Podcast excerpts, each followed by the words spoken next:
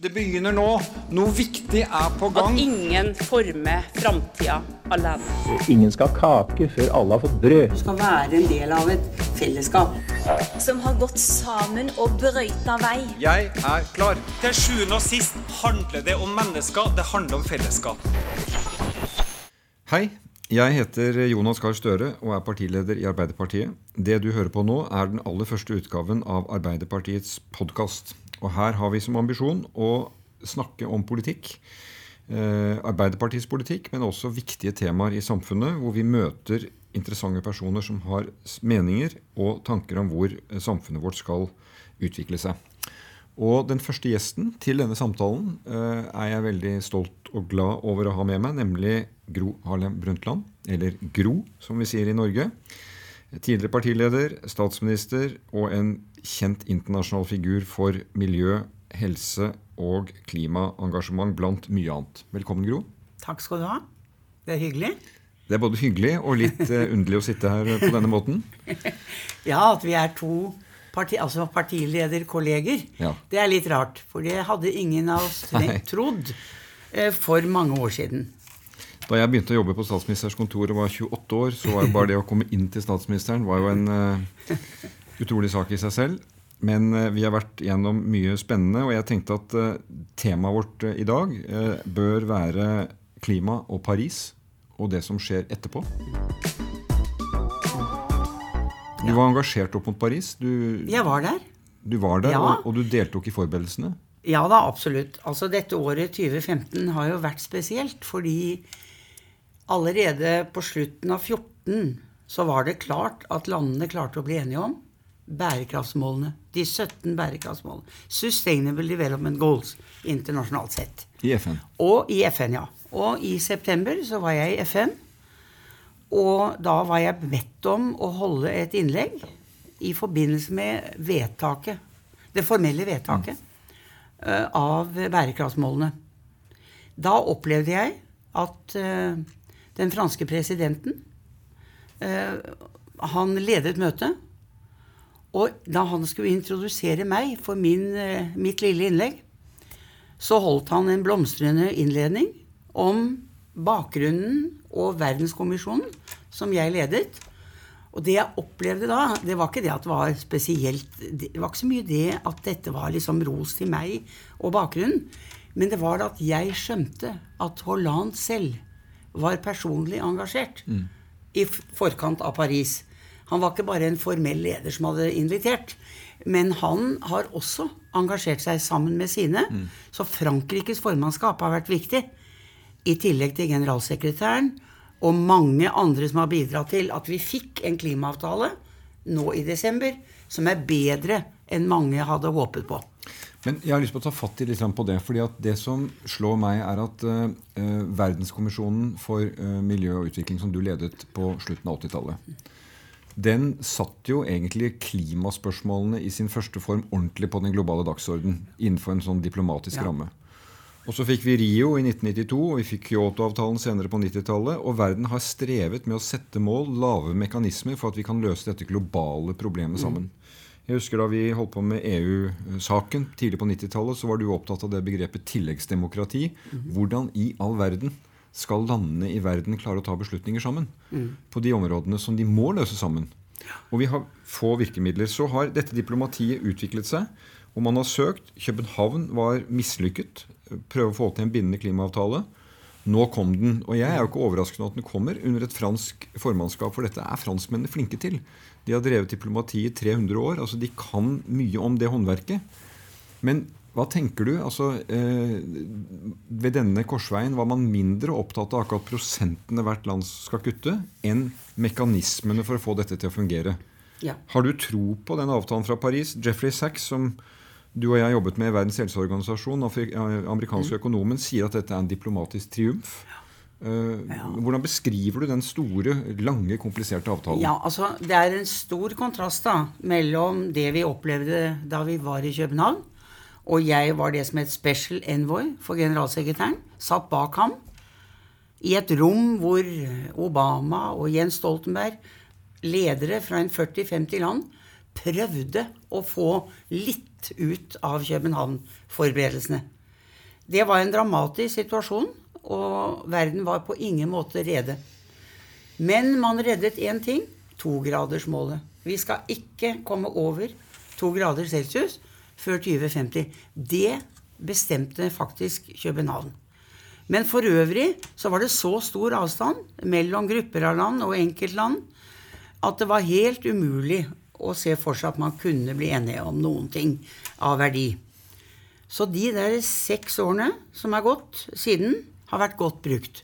Og så har man snudd på flisa. Man har tenkt vi klarer ikke å få til en sånn bred avtale uten at man nå starter nedenifra og ber landene om å fortelle hva de selv kan gjøre.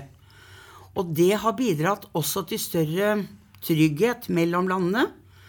Da har man eh, i land som er fattige, og som har mindre å bidra med, og som er kommet mye kortere på alle måter, de skjønner at det blir akseptert at det de leverer, er mindre enn det de store landene leverer. Men de leverer. Men de leverer, og de blir dermed med. Og, de, og de føler at deres stemme blir bedre hørt enn før. Og det bidrar til at man nå har klart det. Men det er en diplomatisk triumf også for Frankrike, og det tror jeg de er klar over. Og jeg tror utenriksministeren gjorde en fremragende jobb. Men generalsekretæren han har også holdt på fra 2007. Hatt det som en hovedsak på sin dagsorden. Og etter København så koblet han klimasaken med bærekraftig utvikling. Fordi han var klar over at nå må vi satse på bærekraftig utvikling, så det hele får et bredere tilfang. Fordi at- ikke sant, Han skjønte at det nytter ikke bare å hakke og hakke på klima nå. Vi må bredde ut det hele, få med alle typer land. Og den prosessen for å lage da bærekraftsmålene, som ble ferdig i slutten av 14, har bidratt til større tillit mellom landene. Som og klima er jo en del av Men dette var jo en del av det essensen i, i, i verdenskommisjonen du ledet. Ja. For mange har et Det var to ting vi sa. miljø og utvikling. Bærekraftig utvikling og klima er et sentralt problem. Begge deler. Så Rio kom fem år etter. Det foreslo vi. Men Rio gjorde jo fantastiske vedtak. Det var bare de var prinsipielle. Klimakonvensjonen, eh, da Agenda 21, som har vært vanskelig å følge opp. Biodiversitetskonvensjonen. Så kommer Kyoto, Kyoto, som du nevnte. Men da hadde, vi hadde også sagt den gangen, i 87, det er de rike land som må ta hovedansvar. Det er fortsatt de rike land som må ta hovedansvar. Men det er ikke lenger slik at de andre kan koble seg ut. Fordi verden har forandret seg, og mange tidligere fattige land er blitt halvrike mellominntektsland og bidrar i betydelig grad til forurensningen. Men det interessante her er jo det at eh, FN, som eh, det er bekymringsfullt, eh, blir omtalt der hvor det er problemer med FN. Men uten FN her så tror jeg ikke vi hadde kommet til Paris på den måten som, som vi var. Og jeg, jeg har gitt ros til Tine Sundtoft og den norske regjeringen. De Ja. gjorde jobben, og det skal Norge gjøre på sånne anledninger. Vi kan bidra. Så det er et stort eh, puslespill. Men det er, det er verdt å minne om at FN, som det er lett å snakke ned når ikke de får til ting, Mm. de gjør utrolig mye viktig arbeid når kameraene er slått av. Ja. Eh, Og Paris hadde ikke vært så enkelt uten. Det hadde ikke vært mulig uten FN her. Og, og det betyr FNs arbeid på mange områder. FNs arbeid også med bærekraftsmålene. Hvis ikke det hadde lykkes, Mm. så tror jeg heller ikke klimaavtalen hadde lykkes. Så alt henger sammen med alt, Jonas. Ja, den, eh, den, eh, Ja. den gjelder fortsatt, også her. Særlig her. Men så reiser forhandlerne hjem, og så kommer jo neste spørsmålet hvordan skal de følge opp. Og Det denne avtalen gjør, er jo at den krever at man skal komme tilbake etter noen år med djervere mål. Det som har vært bildet på disse målene vi har satt oss, tenker jeg når vi ser på det helt fra slutten av 80-tallet, er at vi definerer et utslippskutt noen år frem i tid, og så nærmer vi oss det årene, og så ser vi at det når vi ikke. Og så flytter vi bare målene litt lenger ned og legger dem enda høyere. Og Jeg tror mange mennesker føler at uh, er de i stand til å nå dem. De målene vi har satt for 2020 i kutt, Ja. de uh, sier jo nå statsministeren at uh, det er ikke sikkert at vi når. tøffe, ja. Og nå skal vi kutte 40% i Norge. Som en del av en europeisk løsning snakker vi om, innen 2030. Og det er 15 år til 2030. Jeg pleier å si at det er like lenge til som det er siden 2000. Altså det er veldig kort. Ja. Men eh, eh, Vi kan jo snakke litt om Norge eh, etterpå. Men et spørsmål som jeg syns er interessant, er hvordan vil andre land jobbe med Paris? Altså Vi er jo pliktoppfyllende i Norge, liker vi å tro. Men et land som Kenya, Kenya, Brasil, Indonesia eh, Tror du de tar dette på alvor og, og, og setter i gang eh, med tiltak eh, etter Paris? Jeg tror nok mange vil trenge litt hjelp og litt pådytt. Og, men det viktigste da, og det som kan endre og, forbedre utviklingsretningen mest, det er jo hele business-sektoren. Det er hele invest... Altså de som investerer. De som tenker framover. Hvor skal vi nå legge inn våre investeringer for fremtiden? De vet nå at vi har en klimaavtale. Og de vet ikke bare at de kan regne med at land i Afrika f.eks. Det er litt ujevne styringsforhold og besluttsomhet osv. Og, så videre, og kanskje turbulens. Men verdenssamfunnet rundt dem forventer at det skjer ting i riktig retning. Og det betyr at presset på de landene og mulighetene for de som vil investere, det er mye tydeligere etter Paris. Og det vil bidra til at det trekker investeringene, og du har internasjonale institusjoner, Verdensbanken, den Ok, og det nye fondet, banken, det det nye- nye fondet. Ja. Det er mange institusjoner også som trykker på i den retningen. Så jeg tror at de som er eh, lite fremsynte, og som ikke kommer i gang, de vil bli puttet ganske mye press på av mange institusjoner og investorer. Og det kommer til å være, bli stilt betingelser. Det som er interessant, synes jeg også å se på eh, USA Obama har jo brent for dette, det vet vi jo. Og, og når vi, har, vi som har møtt han vet jo at dette virkelig brenner han for. Og så har han jo da i utgangspunktet en nesten umulig kongress å forholde seg til. Men han har jo vært smart her med Ja. å koble nå USA så mye opp til Kina at det å ikke handle på dette området vil sette dem i en dårlig situasjon Ja. i forhold til Kina. Ja. Men jeg tror du har helt rett i det at eh, de store investorene, teknologiske Mhm. gjennombruddene, særlig innenfor transport, energibruk, som jo kommer til å kreve store teknologiske løft, de, de må bli stimulert. Sachs, som vi snakket om, han har vært opptatt av det han kaller for dyp avkarbonisering. Mm. Altså det vil si at vi må dypt inn i samfunnet og få fjernet da eh, de fossile brenslene som drivkraft for økonomien. At det Mm, må skje utover på, i århundret. Ja. Og det er det satt mål om i Mm. denne avtalen. Et spørsmål som jeg eh, bare vil innom, fordi ja, vi, må, vi trenger da næringslivet og forskningens kreativitet. Men så påpeker også Sachs, da han var i klimapanelet til Arbeiderpartiet her eh, tidligere i år og Ja. snakket, så sa han det at alle store teknologiske gjennombrudd er kommet gjennom et sterkt statlig engasjement på forskningssiden.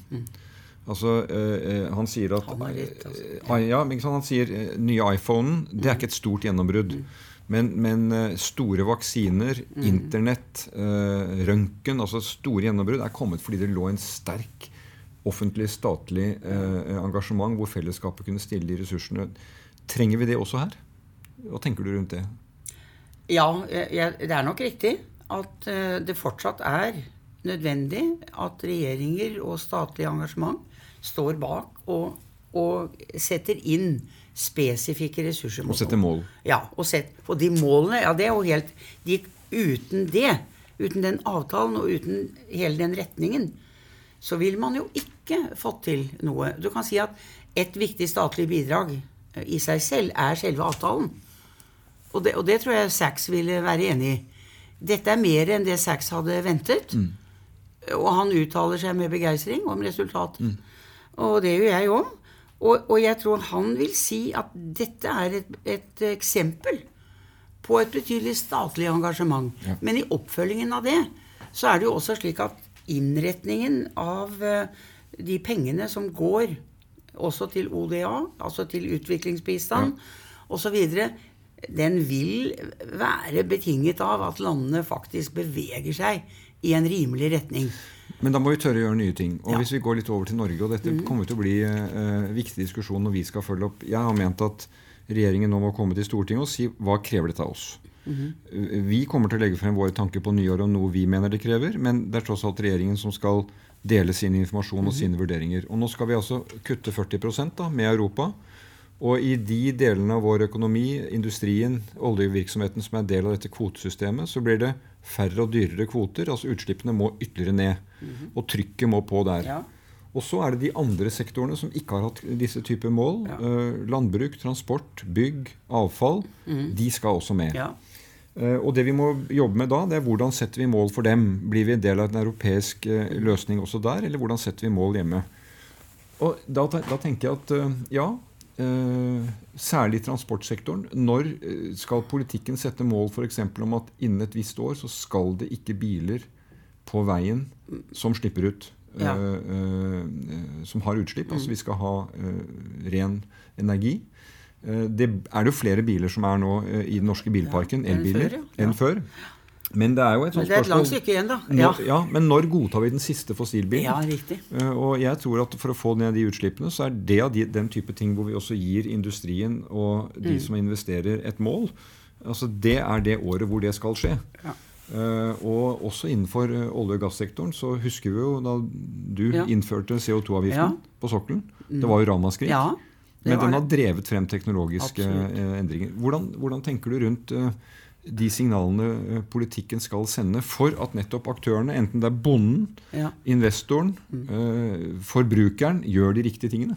Altså eh, retningssignalene og typene innsatser og sånt, de må jo komme nå.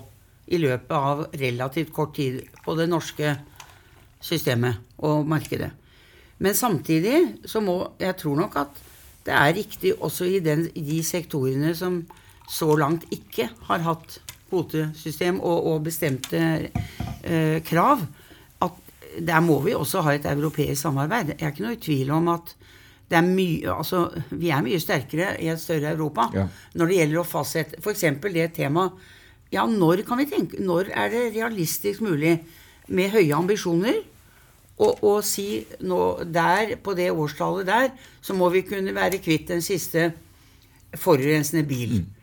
Det er klart Norge kan godt da ligge litt i forkant av en del andre land. Men det hjelper oss mye mer hvis det samme skjer i Europa ellers. Så vi må jo passe på at det er et samspill. Ikke bare på det som hittil har vært eh, underlagt fellesskapet, men også på disse nye områdene. For det, det er mye å lære av andre land, og, og det må vi ha med oss, tror jeg. Men vi, må jo vi kan jo begynne å peke ut retningen, og hvilke tiltak som blir nødvendige. Men, men når man skal fastsette bestemte mål, altså tidspunkter, da er det nyttig, syns jeg, å ha med seg kunnskapen om det som finnes ellers i Europa og, og i verden. Hva kan vi greie, og hvor fort kan vi greie det? Og hvilken innsats kan Norge gjøre for å bidra til at det kan gå fortere? For det går jo også på forskning, da. Men det vil jo være to ting som man observerer med Norge. Det ene er at vi har eh, elektrisitet produsert av vannkraft, som jo gir eh, unike muligheter til at vi kan utvikle industri med lave utslipp. Eh, vi kan kanskje etter hvert også produsere hydrogen på måter som krever mindre energi enn andre. Store gjennombrudd kan komme der. Men det spørsmålet som går i vår debatt, er jo hele tiden oljen og gassen.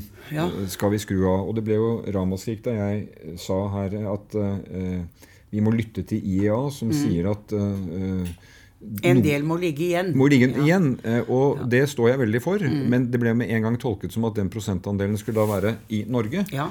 Og det, er argument, og- det var ikke det IEA sa, det var heller ikke det jeg sa. Men det jeg sa, var heller ikke et argument for at Norge ikke er berørt. Nei. Men jeg tror at med vår olje- og gassproduksjon, som har CO2-avgift, og som vi har press på for å få ned utslippene Det å tro at vi, at vi skrur av lyset, eller at vi politisk bestemmer at nå skal det ned ned med så mange prosent, det er ikke den måten vi kan gi det bidraget på. Nei. Fordi vi fortsatt ø, produserer gass til et Europa som trenger den gassen mm. framover. Og vi er del av et system som skal ha utslippene ned, som er europeisk. Så her må vi altså Vi kan ikke løsrive den sektoren fra det som er den europeiske rammen. Nei. Eh, Men vi kan heller ikke eh, på en måte bli oppfattet som en fripassasjer som sier at eh, alt, alle andre skal kutte, men den sektoren som Nei. er så viktig for oss, skal ikke berøres. Så det må være fortsatt et trykk og en forventning om Ja. at utslippene skal ned. Men, men det er vel helt eh, Jeg mener vi sier det riktige hvis vi sier at ja, vår olje- og gassektor er i høy grad berørt. Den har vært berørt i 30 år. I 35, altså, eller fra 90, 25 år har den vært berørt direkte av klima. eh, Og de hensynene vi snakker om nå. Så spørsmålet er jo da skru, altså vri skruen enda lenger. Det er mulig man kan gå lenger. ikke sant? Ja. CO2-avgiften må opp ytterligere for å illustrere eh, hva vi må bidra med. Men, men jeg skjønner ikke at Jeg tror ikke det bør være sånn at noen kan med god grunn bebreide Norge for at vi ikke stenger vår olje- og gassektor. Fordi det er, det er en del av helheten i Europa. Og den er bedre håndtert enn eh, det meste andre. Eh, Og eh, mye av det kan bidra til at kull kan komme fortere ned. Så jeg, jeg ser det i hvert fall i det perspektivet. Ja, det at vi må, ja. Og, så vi kan sikkert gjøre mer. Og våre egne olje- og gassfolk vil foreta beregninger om hva det er som både er naturlig og lønnsomt på lang sikt. Så det er klart det blir en mindre Også- investeringsaktivitet uansett. Men også de er investorer som skal se langsiktige Ja, trender. ikke sant? ja. Og de markedene de selger til, vil etterspørre andre ting. Altså, eh, vi, Tiden går fort, eh, og, og nå vil jeg avslutte ikke ved å komme til desserten, eh, men ved å snakke litt om mat. Fordi landbruk er omfattet her. Mm. Det er, utgjør i Norge litt under 10% av utslippene. Kommer fra dyrehold, Ja. annet. Eh, og Samtidig så er jo landbruket en veldig viktig del av løsningen, fordi de kan binde karbon gjennom skog og ja. aktiviteter. Men et tema som du og jeg har jobbet med eh, sammen før, helse, har jo også eh, ernæring på dagsorden. Hva vi spiser, Ja. hvordan vi eh, spiser. Ikke bare i Norge, men også globalt. Eh, og jeg tenker at her, her får du en veldig linje mellom veldig personlige avgjørelser i familien, hva vi har på bordet, hvor mye kjøtt vi spiser, hvordan kjøttproduksjon eh, eh, fører til utslipp og miljøinngrep. og jeg opplever nå at dette er en type tema som har vært ligget litt langt unna. Det kommer nå helt sentralt inn. Ja. Og vi må nå sette oss ned med landbrukets organisasjoner, sånn som vi gjør på god norsk maner, og snakke om hvordan kan vi også gi bidrag der. For vi skal faktisk kutte 40% også i disse sektorene, som ikke er industri. Mm. Men litt med dine gamle WHO-briller. Og eh, vi skal altså produsere mat for en voksende verdensbefolkning. Jeg har vært opptatt av havene, som dekker 70% av kloden. Produserer 2% av maten vår. Det må opp. Det er en stor mulighet for Norge. Ja. Men eh, for å gå rett på kjøtt og helse, hva tenker du? Nei, jeg tenker at uh, denne skrekken uh, som en del mennesker har uh, mot å si hva som har helsemessige konsekvenser, og i dette tilfellet dessuten klimakonsekvenser. Fordi at eh, man skal ikke blande seg opp i hvordan folk tenker. Altså det er et fritt land og alt det der. Det blir jo brukt som argument også mot å regulere eller lage et annet regelverk rundt sukker i Altså avgifter på Salt. sukkerholdig brus. Få ned salt, sukker. eh, Få ned eh, den eh, daglige og ukentlige dosen av rødt kjøtt osv. Dette er egentlig en selvfølge at vi må snakke om. Og folk har, jeg mener folk har rett til å få vite at det er ikke veldig smart å spise 200-300 gram rødt kjøtt om dagen. Og, og da snakker jeg ikke eh, om klima, eh, først og fremst. For det er, det er lettere allikevel å få folk til å skjønne at Helse. helsen, det gjelder meg, og det gjelder min familie og mine nærmeste. Det er en av måtene å få klimasaken ned på jorda, egentlig. Ja, det fordi at betyr da, noe for meg. Det betyr noe. Det betyr noe for min helse og min families helse. Eh, og at det er bedre da å ja, for det første selvfølgelig spise mer fisk, men dessuten kylling. Eh, og ikke ta vekk rødt kjøtt, men la det Altså tenk i form av 50 eller 100 gram istedenfor 300 gram. Og ikke så ofte. Altså dette må vi klare å, å formidle. Ja. Men eh, nå tror jeg vi er på en måte ved veis ende. det, Ja. altså, ting vil jeg si, Gro. Du er hardtarbeidende. Du blir sett på å reise hele jorda rundt, og du holder på med et mønster som jeg tror veldig mange ville bli mistet pusten på. Men du er også veldig glad i å kose deg. Ja. Det er et hyggelig norsk ord. Ja. Og det vet jeg. Du liker et godt lag. Og du liker eh, å ta eh, Ja, nyte natur. Så da må jeg spørre deg, jula, hva skal skje? Da skal det vanlige skje. Ja, Her er det ingen Her er det brudd. ingen Det er mylla, Ja. det er familie. Det ser dårlig ut med skiføre. Ja. Men det er juleribbe, det er lutefisk, det er rakørret, og det er familie. Ja. Ja. Og det er viktig for, eh, for å si det sånn, det er viktig for uh, sinnets helse å ha det, ha det godt i jula. ja. Og tid til å tenke. Men uh, tusen takk skal du ha. Og så Hyggelig, Jonas. Og ha en, ha en fin jul og nyttår, du òg. ja, Takk skal du ha.